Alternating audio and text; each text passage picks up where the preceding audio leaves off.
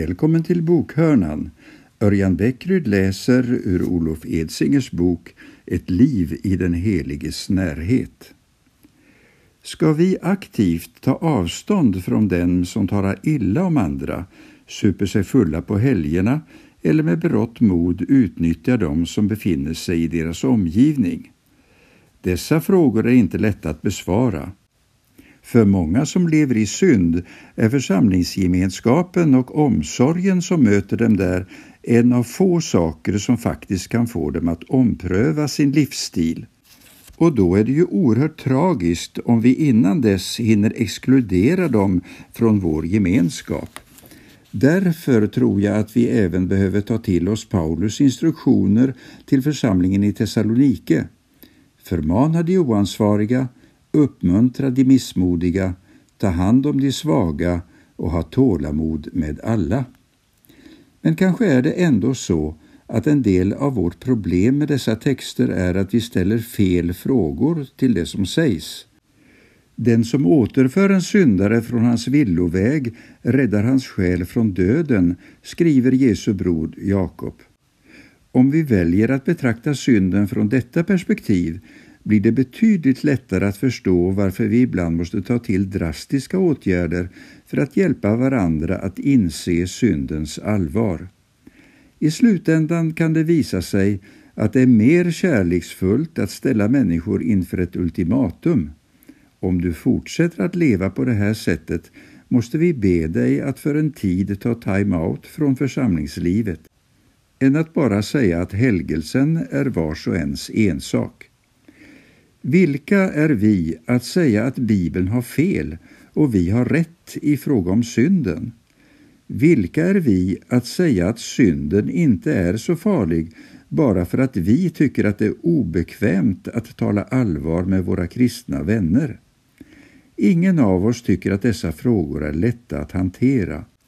Men om församlingen ska ta sitt uppdrag som förvaltare av Guds nåd på allvar måste vi också hitta sätt att hantera vårt behov av vad vi här har talat om, helande från syndens dödliga sjukdom. Med sikte på Jesu återkomst.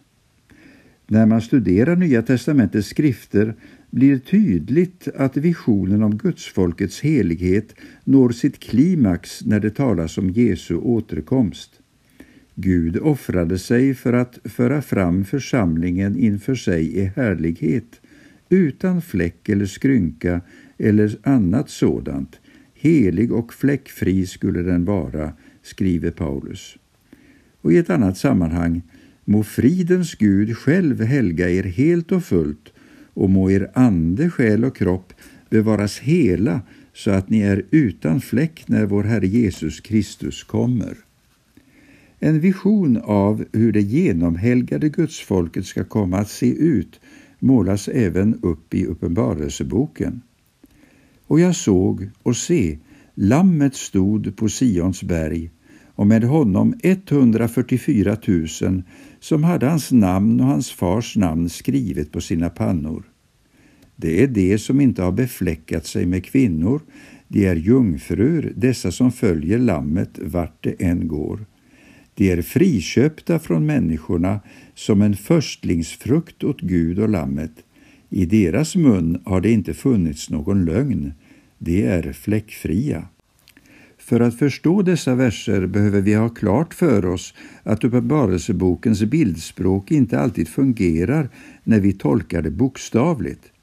Bilden av de troende som jungfrur ska till exempel inte tolkas som att Bibeln betraktar sexualiteten som något fult. Istället är det en symbol för församlingens renhet och helighet. Även Paulus kan därför skriva till de kristna i Korint jag har trolovat er med en enda man, Kristus, och vill föra fram en ren jungfru till honom. Poängen är i alla fall att dessa och andra nytestamentliga texter visar att visionen om ett heligt gudsfolk sträcker sig hela vägen fram till den himmelska tronen. Det vi förbereder oss för här på jorden är alltså en tillvaro där vi alla ska vara utan fläck eller skrynkla. Även om vi just nu måste kämpa med synden och själviskheten i våra liv får vi vila i Guds löfte om att både vi och våra trossyskon en dag ska bli förvandlade. Som Johannes så trösterikt uttrycker det, mina älskade, nu är vi Guds barn och än är det inte uppenbarat vad vi ska bli, men vi vet att när han uppenbaras ska vi bli honom lika, för då får vi se honom sådan han är. Kapitel 11 Slutord att frukta och älska den Helige. Helighetens hemlighet. I sin banbrytande bok Det heliga skrev den tyske religionspsykologen Rudolf Otto att vår Gud är ett mysterium tremendum, ett fascionosum. Med denna formulering ville Otto lyfta fram att vi både darrar och fascineras i den heliges närhet. Gud är så radikalt annorlunda att vi aldrig får tänka oss att vi skulle kunna förfoga över honom. Men han är också så tydligt förklarad genom skapelsen, genom bibelordet och genom sin son Jesus Kristus att vi inte kan annat än fascineras av hans personlighet. Orsaken till att vi attraheras av den Helige är i grunden enkel. Vi är skapade för att leva i gemenskap med honom. Men som vi har sett i den här boken betyder inte detta att relationen till Herren skulle vara okomplicerad. Snarare tvärtom. Vi dras till vår skapare på samma sätt som nattfjärilen dras till elden med risk för att eh, våra vingar ska bli svedda av lågorna. Vi dras till det ljus som bländar alla andra ljus, inte för att vi själva är rena, utan för att det ger en lyskraft också åt vårt egna liv. Mötet med den Helige ger hopp om att det finns en mening med livet trots allt, att det finns en Gud som är större än oss själva, en Gud som är värd vår tillbedjan. Till stor del tror jag att det är detta som kan sägas vara helighetens hemlighet. Heligheten utövar sin lockelse på oss helt enkelt för att den är det enda i den här världen som kan beskrivas som alltigenom sant, gott och rätt. Det finns en mängd olika makter och ideologier som kommer med anspråk både på vår lydnad och lojalitet men den ende som med rätta kan göra dessa anspråk är den Gud som har skapat oss alla. Gud begär allt av det enkla skälet att han själv omfattar allt. Lydnad för Gud, uppvärdering av livet. Med tanke på detta tror jag också att centralpunkten i det heliga livet måste vara lydnaden. Om Gud verkligen är den han säger sig vara är vårt enda rimliga förhållningssätt till Herren att vi böjer oss under hans vilja. Bara en Gud som är värd att lyda kan i grunden vara värd att tillbe. Samtidigt som vi konstaterar detta är det många som idag känner ett motstånd inför denna sanning. I 2000-talets Sverige är det inte direkt populärt att tala om underordning och lydnad. Ändå kan vi inte komma förbi dessa ord när vi talar om den Helige. Om vi vill leva i gemenskap med konungarnas konung och herrarnas herre måste vi ta konsekvenserna av att han är den han är och lyda honom. Viktigt att tillägga är dock att en annan biblisk sanning träder fram i anslutning till detta. Lydnaden är inte bara till för att behaga Gud, den är också en väg till glädje för oss själva. Att underordna sig Herren är att säga ja till det som ända sedan skapelsen har varit människosläktets bestämmelse. Vi mår som allra bäst när vi lever i harmoni med den Gud som har skapat oss. I Guds ord framkommer detta genom att inte bara Herren utan också livet självt är att betrakta som heligt. Tydligare än någon annanstans blir detta i talet om domen. Vi måste alla träda fram inför Kristi domstol för att var och en ska få igen vad han har gjort här i livet, gott eller ont, skriver Paulus. Om detta är sant måste våra liv här på jorden ha ett oändligt stort värde i Guds ögon. Det är ju bara om vi själva har ett värde som vi kan förväntas stå till svars för hur vi har levt våra liv. Att frukta och älska Herren.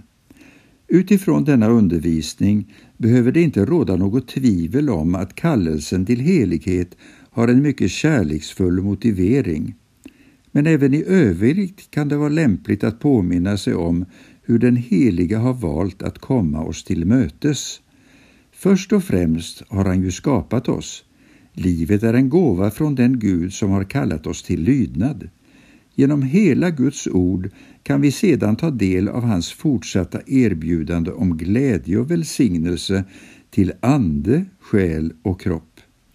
Allra tydligast blir detta i Nya testamentets beskrivning av hur Jesus gick i döden för vår skull, för att en gång för alla öppna vägen till gemenskap med Fadern. Som Hebreerbrevets författare uttrycker det, bröder, i kraft av Jesu blod kan vi därför frimodigt gå in i det allra heligaste på den nya och levande väg som han har öppnat för oss genom förhänget, det vill säga sin kropp. För att därefter hjälpa oss att leva det liv som hör samman med gemenskapen med Gud har han gett oss sin helige Ande, Guds egen närvaro i våra hjärtan. Min fråga mot bakgrund av allt detta är kan man känna annat än förtroende för en Gud som på ett sådant sätt har bevisat oss sin kärlek? Kan man känna annat än längtan efter att gå den helige Guden till mötes? Med inspiration från bland annat Rick Joyner gjorde jag för några år sedan följande anteckning i min andliga dagbok. Att frukta Herren är vishetens begynnelse. Att känna Herren är vishet. Att älska Herren är vishetens fullhet. Min egen uttolkning av dessa ord är att sann vishet handlar om att leva i gemenskap och harmoni med vår skapare. Det handlar om att låta Gud, snarare än vi själva, definiera vad som är gott och rätt. Följaktligen måste vi, om vi vill fyllas av Guds vishet, ta den helige Guden på allvar. Vi måste böja oss under vår skapare och hans vilja. Men den utmaning som vi har fått som Jesu efterföljare slutar inte med detta. Den fullkomliga harmonin i våra liv kommer nämligen inte att infinna sig förrän vi har lärt oss också att älska den Gud som har skapat oss.